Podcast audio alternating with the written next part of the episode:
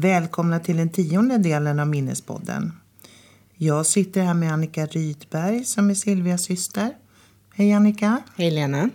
Och I den här podden så har ju du och jag samtalat om hur det är att ha en demenssjukdom och hur den yttrar sig och även hur anhöriga upplever det. Men idag ska vi prata om demensforskningen förr och nu, vad man har kommit fram till och vad man hoppas att uppnå. Jag tycker det är intressant med den här läkaren Alzheimer som har gett namn till en demenssjukdom. Och det var väl vid förra sekelskiftet som man upptäckte de här hjärnförändringarna? Ja, det stämmer. Alois Alzheimer var psykiater och en av hans patienter tyckte han hade så annorlunda symptom. Hon var till exempel väldigt glömsk. Eh, när hon hade avlidit, Augusti Dieter hette hon, hon avled 1906, så gjorde man en obduktion och då fick man se en allvarligt skadad hjärna. Eh, och eh, Dr. Alzheimer han såg både det som vi idag kallar för plack, eh, de här mikroskopiska små klumparna och eh, också de här nystanet av tauprotein som, som vi vet idag orsakar demenssjukdom. Mm. Och jag vet att man inte har forskat om demens så särskilt länge och att den forskningen är jämförelsevis ung. Jo, men det stämmer också. I Sverige till exempel så då har forskningen fått sina framgångar först eh, under 1980 och 1990-talet. Eh, och svensk demensforskning är faktiskt väldigt framgångsrik. Orsaken till det här, säger professor Bengt Winblad, är att vetenskap och praktik står så nära varandra i Sverige. Han har ett eh, tvärvetenskapligt tänk eh, som ger en hel rad framgångar. Och det omfattar ju både omvårdnad och psykologi och till exempel minnesforskning men även socialt arbete. Och det är ju jätteviktigt för man behöver faktiskt ha ett helhetstänk när det gäller personer som har en demenssjukdom. Mm. Man kan ju ta ett exempel. Att förr i tiden så stod det ingenting om demens i kursplanerna för till exempel sjukskötare. Medan det i dagsläget finns faktiskt specialistutbildningar för flera olika yrkesgrupper. Ehm, tyvärr så saknas ju resurserna då för forskning. Och demensforskningen är, är i första hand finansierad av till exempel stiftelser eller landstinget och även industrin bidrar med pengar till demensforskning. Mm. Och I Sverige så finns det ett forskningsnätverk som heter Swedish Brain Power. Hur ligger de till internationellt sett? De är, de är väldigt eh, uppskattade internationellt faktiskt. Eh, det här nätverket har funnits sedan 2005. Och från början var det meningen att de skulle hålla på bara i fem år. Då. Och fått internationell uppmärksamhet. Eh, orsaken till det är framförallt att de har haft framgång i att utveckla tidig diagnostik och även effektiva behandlingar. Eh, och det fanns ju ett hopp om och en förhoppning att eh, det här projektet skulle få fortsätta. Och efter tre år, då, 2008, då får man en donation faktiskt från en privat stiftelse som heter eh, Knut och Alice Wallenbergs stiftelse. Man får 100 miljoner svenska kronor från den här stiftelsen och det betyder att det här värdefulla arbetet kan fortsätta fem år till. Mm. Eh, 2008 då fann ju svenska forskare den så kallade Affibody-molekylen. Vad har den för betydelse? Ja, men det här är en molekyl som hjälper till med att kapsla in skadliga ämnen som, som lagras i hjärnan när man får Alzheimers. Och då, då hindrar de här molekylerna eh, de här skadliga ämnena från att klumpa ihop sig. Och en förhoppning med, med den här Affibody-molekylen det är att man hoppas att det ska öka möjligheten att angripa själva orsaken till demenssjukdom. Mm. Det ser ju också ut som att antalet äldre över 65 ska öka kraftigt de närmaste 30 åren. Finns det någon strategi på EU-nivå för att möta dessa? Ja, jag vet inte om man kan kalla det för strategi direkt men, men EU uppmanar ju alla sina medlemsstater att faktiskt prioritera just demensforskningen på grund av, av, av de här orsakerna. Mm. Men hur gick det sen med det här försöket att ge patienter med Levis kroppsdemens Memantin, den medicinen som man vanligen ger personer med Alzheimers sjukdom? Ja, eh, enligt Elisabeth Londos, hon är docent och forskar framförallt om just den här sjukdomen, Levis kroppssjukdom. Då. Eh, testerna gjordes 2009 och hon menar att eh, det här Alzheimer-läkemedlet har väldigt bra effekt på de här patienterna och dessutom ger det inga biverkningar. Mm. Jag har förstått att beta-amyloid kan bindas till proteiner i hjärnan. Ja, så kan det vara. Och professor Bengt Winblad menar att eh, de här fynden öppnar för en utveckling av att man ska hitta någon typ av metod för att hindra den här bindningen. Och det skulle också kunna bli en ny behandlingsmetod. Och eh, under det här, vid den här tiden då så, så börjar man hoppas på att man ska faktiskt hitta ett vaccin mot Alzheimers sjukdom. Och det pågår också flera olika studier om de här vaccinerna. Men finns det någon metod som man kan använda för att se om vaccin eller andra mediciner har någon effekt som ja, typ magnetröntgen eller liknande? Mm, inte magnetröntgen kanske, men, men som så kallad PET-scanning kan användas. Och med, med det så kan man följa hur vaccinet verkar i hjärnan. Och man ser faktiskt en tydlig minskning av plack med vissa vacciner. Eh, men eh, det som saknas det är studier som visar att, att den här minskningen av plack också medför en förbättring av de mentala förmågorna. Mm. Men när man har tagit ryggmärgsprov har man hittat ett ämne som kallas abeta 16. Hur kan detta användas? Eh, ja, i Göteborg är det några forskare som har märkt det här. Och, och de menar att det här skulle kunna bidra till att lättare kunna ställa en diagnos när man misstänker att någon har drabbats av Alzheimers sjukdom.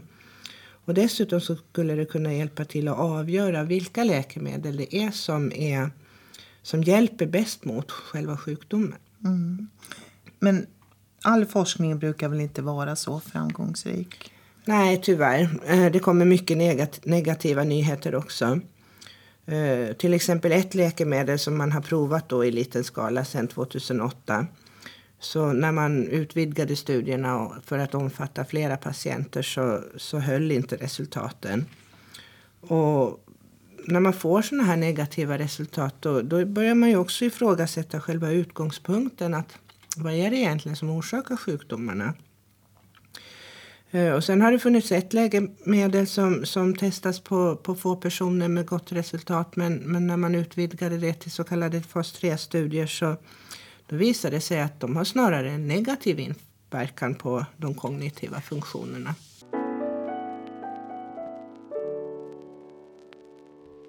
Jag tycker att forskningen kunde titta lite på hur de demenssjuka har det i sin vardag också. Inte bara mediciner och diagnostik. Mm. Eh, det, det, finns faktiskt sån forskning och sådana studier. Till exempel i Linköping. Där ska psykologer, samhällsvetare och språkvetare tillsammans studera hur de demenssjuka har det i sitt vardagsliv. Och här är det Riksbanken som bidrar med pengar. Deras jubileumsfond bidrar med 34 miljoner kronor under sex år. Och, det, och professor Lars-Christer Hydén som leder den här studien då är glad över att fokus nu kan flyttas från, från det rent medicinska till de demenssjuka själva och, och till deras perspektiv. Vore det inte viktigt att öka samverkan kring de frågor som inte kan lösas på nationell nivå? Jo, det är, det är jätteviktigt.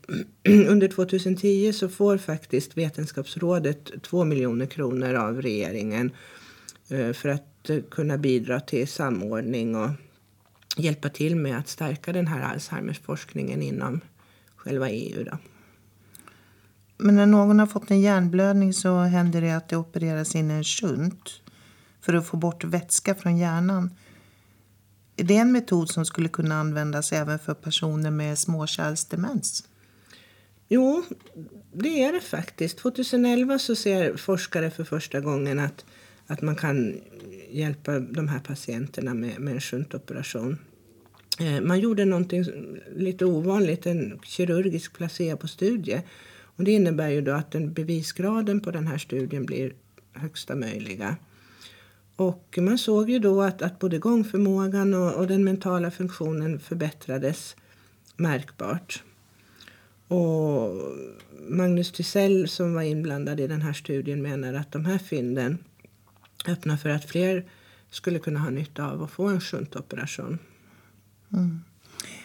Tidigare i den här podden så har vi pratat mycket om hur viktigt det är med social aktivitet och inte minst för de som har drabbats av kognitiv svikt. Finns det någon forskning om just det? Jo, eh, sån forskning finns också. Eh, det visar att socialt aktiva pensionärer löper mindre risk att få problem med minnet och andra kognitiva funktioner också förstås. Eh, Brian Adams har studerat det här och i början så hade alla patienterna normala förmågor. Studien pågick då i fem år ungefär. Då visade det sig att förmågorna nog hade försämrats hos alla deltagande personer men Eh, de hade försämrats i lägre grad hos, grad hos de som var socialt aktiva. Finns det några nyheter från Pariskongressen 2011? Jo, då presenterades det faktiskt en hel del spännande studier och bland annat också av svenska forskare. Professor Ingmar Skog han berättade att eh, nyinsjuknandet i demens det kommer förmodligen att minska. Och, och, han menar att det beror på att man behandlar blodtryck och blodfetter och sånt på ett mer effektivt sätt än förr. Eh, folk röker faktiskt mindre nu än vad de gjorde förr också och utbildningsnivån ökar. Eh, och sen så var det ett par studier som redovisades där. Det visade sig att eh, smärtstillande medicin kan faktiskt påverka såväl minnesfunktionen som och, och oro och ångest positivt. Det här är ju inget botemedel naturligtvis och, och några sådana finns ännu inte i sikte men eh, alla livsstilsfaktorer vinner faktiskt terräng nu och, och visar att eh, man åtminstone delvis kan förebygga den här typ, de här typerna av sjukdomar med, med livsstilsförändringar. Mm. Antioxidanter det är ju populärt mot allt möjligt. Finns det någon undersökning om sambandet med demens också? Jo, Katrin Mani som är docent eh, vid Lunds universitet hon berättar om en väldigt spännande upptäckt. Eh, det har visat sig att C-vitaminer kan lösa upp förstadier av plack i hjärnan. Och eh, det har man ju vetat sedan tidigare att antioxidanter har en skyddande effekt eller kan ha en skyddande effekt. Och det är klart att eh, en studie på möss den är inte direkt överförbar på människor. Men den öppnar i alla fall nya möjligheter för den här forskningen kring just Alzheimers sjukdom och C-vitaminets möjligheter. Hur är det med biomarkörer? Har man hittat några som kunde hjälpa till att ställa en tillräckligt tidig diagnos? Ja, det är ju sant. Det är ju inte bara behandling som är viktigt och som man forskar om. Det är jätteviktigt att ställa en, en tidig diagnos också. Vid Sahlgrenska akademin så där har man forskat väldigt framgångsrikt kring just biomarkörer. Och en biomarkör det är ju ett ämne som avspeglar olika biologiska processer i kroppen. Niklas Mattsson säger att man har hittat sådana här markörer i ryggvätskan redan vid väldigt tidiga symptom. Och det innebär ju också att han hoppas att man ska kunna upptäcka förändringar i hjärnan på ett mycket tidigt stadium. Mm.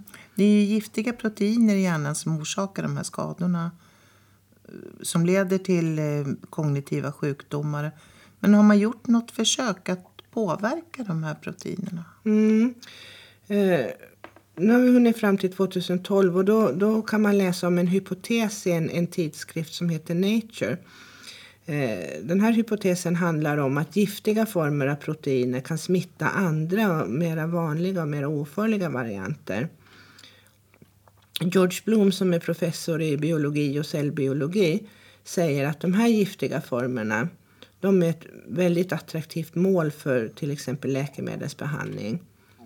Och skulle man kunna hämma bildandet av, av giftiga proteiner så så hoppas man på att kunna motverka just Alzheimers sjukdom. Och man har faktiskt tagit fram ett enzym redan som har en sån här effekt och det prövas nu i Europa.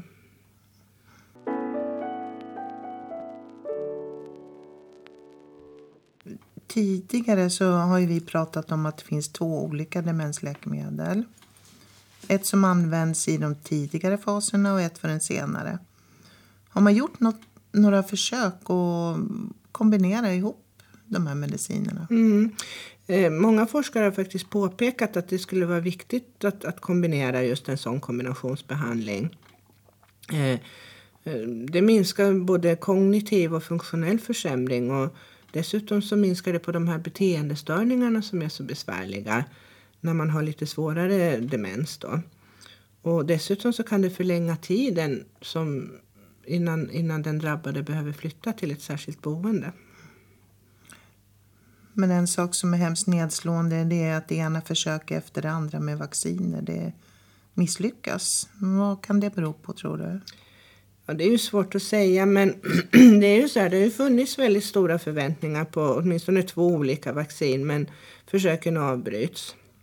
Det beror ju ofta på att, att eh, vid, vid större studier så visar sig vaccinerna ha väldigt svåra biverkningar. Eh, men trots det så finns det nog samband som, som gör att, att forskarna är lite optimistiska. Det säger professor Kai Blennow. Eh, immunterapi eller vaccination då, mot olika giftiga former av protein. Det ser man nog fortfarande här vid den här tiden som det allra viktigaste fältet för forskningen. Även om det finns vissa som inte riktigt tror på det här. Men Kai Blennow han ser det på ett annorlunda sätt för han menar att antingen så har man utfört de här studierna på alltför sjuka personer eller också har man helt enkelt hållit på för kort tid med försöken. Mm. Ja, det är ett känt faktum att allt fler blir allt äldre. Och då blir det väl fler demenssjuka också. Vad säger forskarna om det här? Ja, de, de säger ju som, som alla andra att det är ett faktum det att, att det blir fler och fler demenssjuka och det ställer ju höga krav både på samhället och på forskningen. Eh, Bengt Winblad, Maria Eriksdotter och eh, Anders Wimo som alla tre är verksamma då inom det här nätverket Swedish Brain Power. Och de har skrivit en debattartikel under 2013 eh, och de menar ju det att det satsas alldeles för lite pengar på demensforskning trots att att det här med den åldrande befolkningen är en sån stor utmaning för samhället.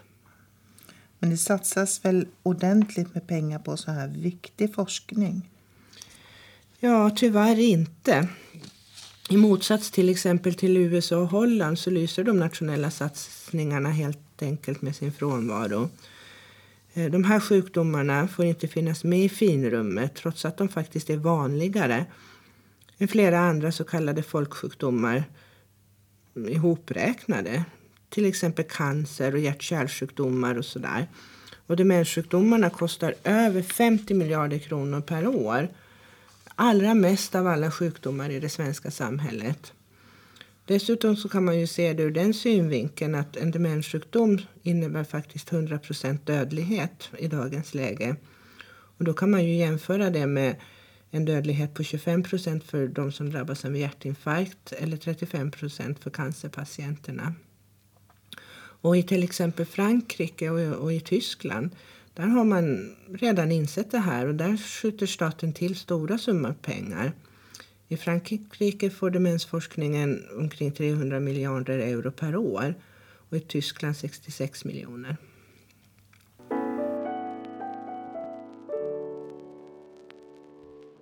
Men det hörs ju ofta att man nu är gåtan på spåret och har hittat ett botemedel. Men ändå kommer aldrig medicinen. Vad beror det på?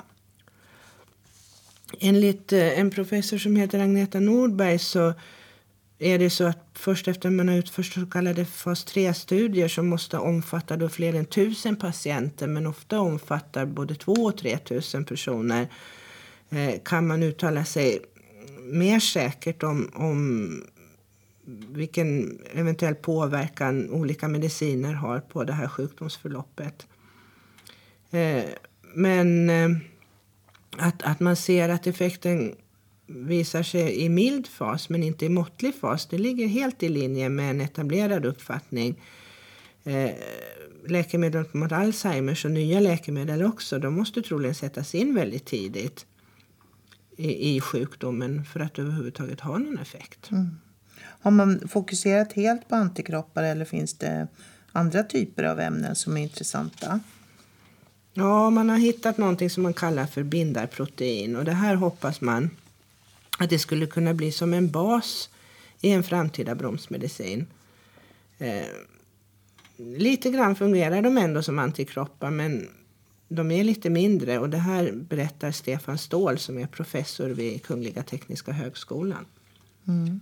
Men hur är det med antiinflammatorisk medicin? Är det till någon hjälp för de som har en demenssjukdom? Ja, eh, de här nervcellsförändringarna som sker i hjärnan vid Alzheimers eh, medför en sorts inflammation. Och, och det gäller särskilt de som har kommit lite längre in i sjukdomen. Och man har sett att vissa av de här inflammationshämmade medicinerna faktiskt har positiva effekter. Eh, forskning vid Skånes universitetssjukhus visar på de här rönen. Mm. En del forskare tror ju inte att det är just beta-amyloid som borde vara i fokus när man forskar efter mediciner mot demens. Nej, just det, det stämmer. Och det var en stor Alzheimers konferens i Toronto 2016. Och där presenterade man en studie som var inriktad på det andra proteinet, tau, som ju också är inblandat när det gäller Alzheimers sjukdom. Men resultatet av det försöket var ju negativt och professor Agneta Nordberg var väldigt kritisk mot att den var så positiv. Men det är tydligen vanligare när ett läkemedelsföretag står för forskningen än när forskare gör det.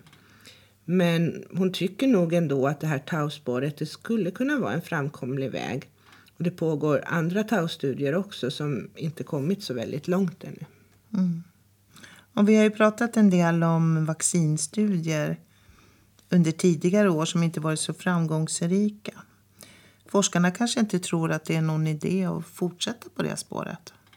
Jo, nu är det nytt år igen och, och man gör nya tester. Och den här gången testar man ännu ett nytt vaccin. Eh, 2017 så är Karolinska institutet inkopplat i ett försök med en ny antikropp och ett vaccin som ska stimulera antikroppar.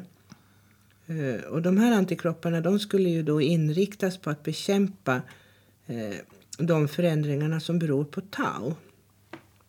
Och bakom de här testerna så står bland 21 forskare från hela världen även den svenska professor Bengt Winblad vid Karolinska instituten.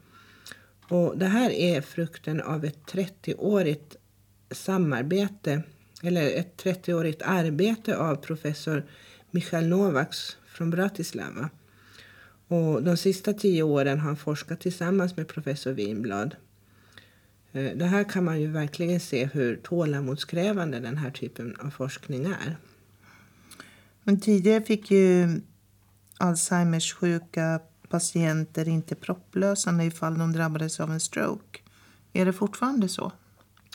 Nej, det är det inte. Eh, Förr så, förr så trodde man att eh, Alzheimers patienter lättare drabbades av hjärnblödning om de fick propplösande, men det är inte så. Och risken för biverkningar eh, är inte större för Alzheimers patienter än för andra som man hade befarat då tidigare. Mm. Men angående det här med inflammation i hjärnan vid demens. Hur ser man att det förekommer just en sån inflammation? Eh, man ser ju det vid ryggmärgsprov. Eh, då får man en ökad mängd av, av eh, en sorts hushållningsceller som finns i hjärnan. Och eh, det är ett mycket tydligt och tidigt tecken på att det pågår en sån här process. Mm, Men de här hushållningscellerna, hur tidigt kan man se dem?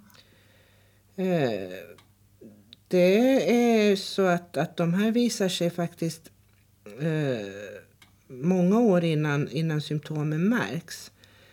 Eh, och det gör ju att, att det skulle faktiskt vara möjligt att sätta in en skyddande behandling väldigt tidigt. Och dessutom så tror forskarna att, att eh, de här cellerna de skulle kunna vara ett möjligt mål för utvecklandet av nya läkemedel också. Ja, under 2018 har man gjort en stor studie av en ny typ av medicin som inte är ett vaccin utan det handlar om att blockera vissa receptorer i hjärnan. Ja, det visar sig att om man lyckas hämma de där receptorerna då tror man att man skulle kunna påverka försämringen av både minne och inlärning. Eh, 2018 så gör man en fas 3-studie eh, av, av eh, den här metoden. Men tyvärr kunde inte den här medicinen bromsa försämringarna av minnet och andra kognitiva förmågor. Eh, Maria Eriksdotter som är överläkare och professor vid Karolinska institutet berättar ändå att den här medicinen har en väldigt intressant verkningsmekanism. Den slår mot flera olika signalsubstanser som är inblandade i när man får Alzheimers sjukdom. Men eh, hon menar att det kan nog ha påverkat resultatet av, av studien att man faktiskt minskade på doserna när man kom till den här fas 3-studien. Och det, det gjorde man för att undvika olika biverkningar. Men du, eftersom Alzheimer och andra demenssjukdomar tillhör de snabbast växande folksjukdomarna, hur kommer det sig då att de medicinska genombrotten inte kommer? Ja, eh, Alzheimers sjukdom är ju den sjunde vanligaste dödsorsaken. Och faktum är att var tredje sekund så insjuknar det en person i hela världen. Att det är så här svårt att få fram några resultat. Så det förklaras ju bland annat med att det, det helt enkelt forskas för lite jämfört med till exempel andra stora folksjukdomar. Forskas det mycket om antikroppar mot Alzheimers sjukdom? Eh, Ja, det gör det. Och i år 2019 då händer det väldigt mycket inom forskningen. Och bland annat så ska ett svenskt läkemedel testas i större skala på personer som har en väldigt tidig fas av sin sjukdom. Det här läkemedlet kallas BAN 2401 och det är en antikropp mot Alzheimers. Och den medicinen den syftar till att stoppa själva sjukdomsprocessen berättar Lars Landfelt som är professor vid Uppsala universitet. Men hur långt har man kommit i försöken med vaccinet som jag har fått veta heter CAD106? Har man fått några antikroppssvar? Ja, det har man fått. Eh, och dessutom utan de allvarliga biverkningarna som stoppade det här försöket tidigare, berättar Bengt Winblad. Eh, det är han som har lett studien. Skillnaden nu är att det här vaccinet CAD106 är lite mindre bredspektrigt och eh, påverkar då endast de skadliga varianterna av viteämnet beta-amyloid. Och nu fortsätter forskarna med CAD106 i en fas 2-studie och den ska pågå i 18 månader. Eh, och under tiden så fortsätter man eh, också att testa andra vacciner. Men det är en väldigt långdragen process. Eh, för man vill ju få fram effektiva läkemedel som inte har så mycket allvarliga biverkningar. Och var ligger forskningens fokus idag? Fokus ligger ju framför allt på minnet. Eh, man vill veta hur hjärnan gör för att eh, kunna skapa minnen. För om vi kunde förstå det, då kunde vi kanske hitta en medicin som både läker och reparerar hjärnan. För utan minne så kan inte människorna fungera. Eh, och minnet det ligger bakom alla kognitiva funktioner. Utan minne så är vi ingenting.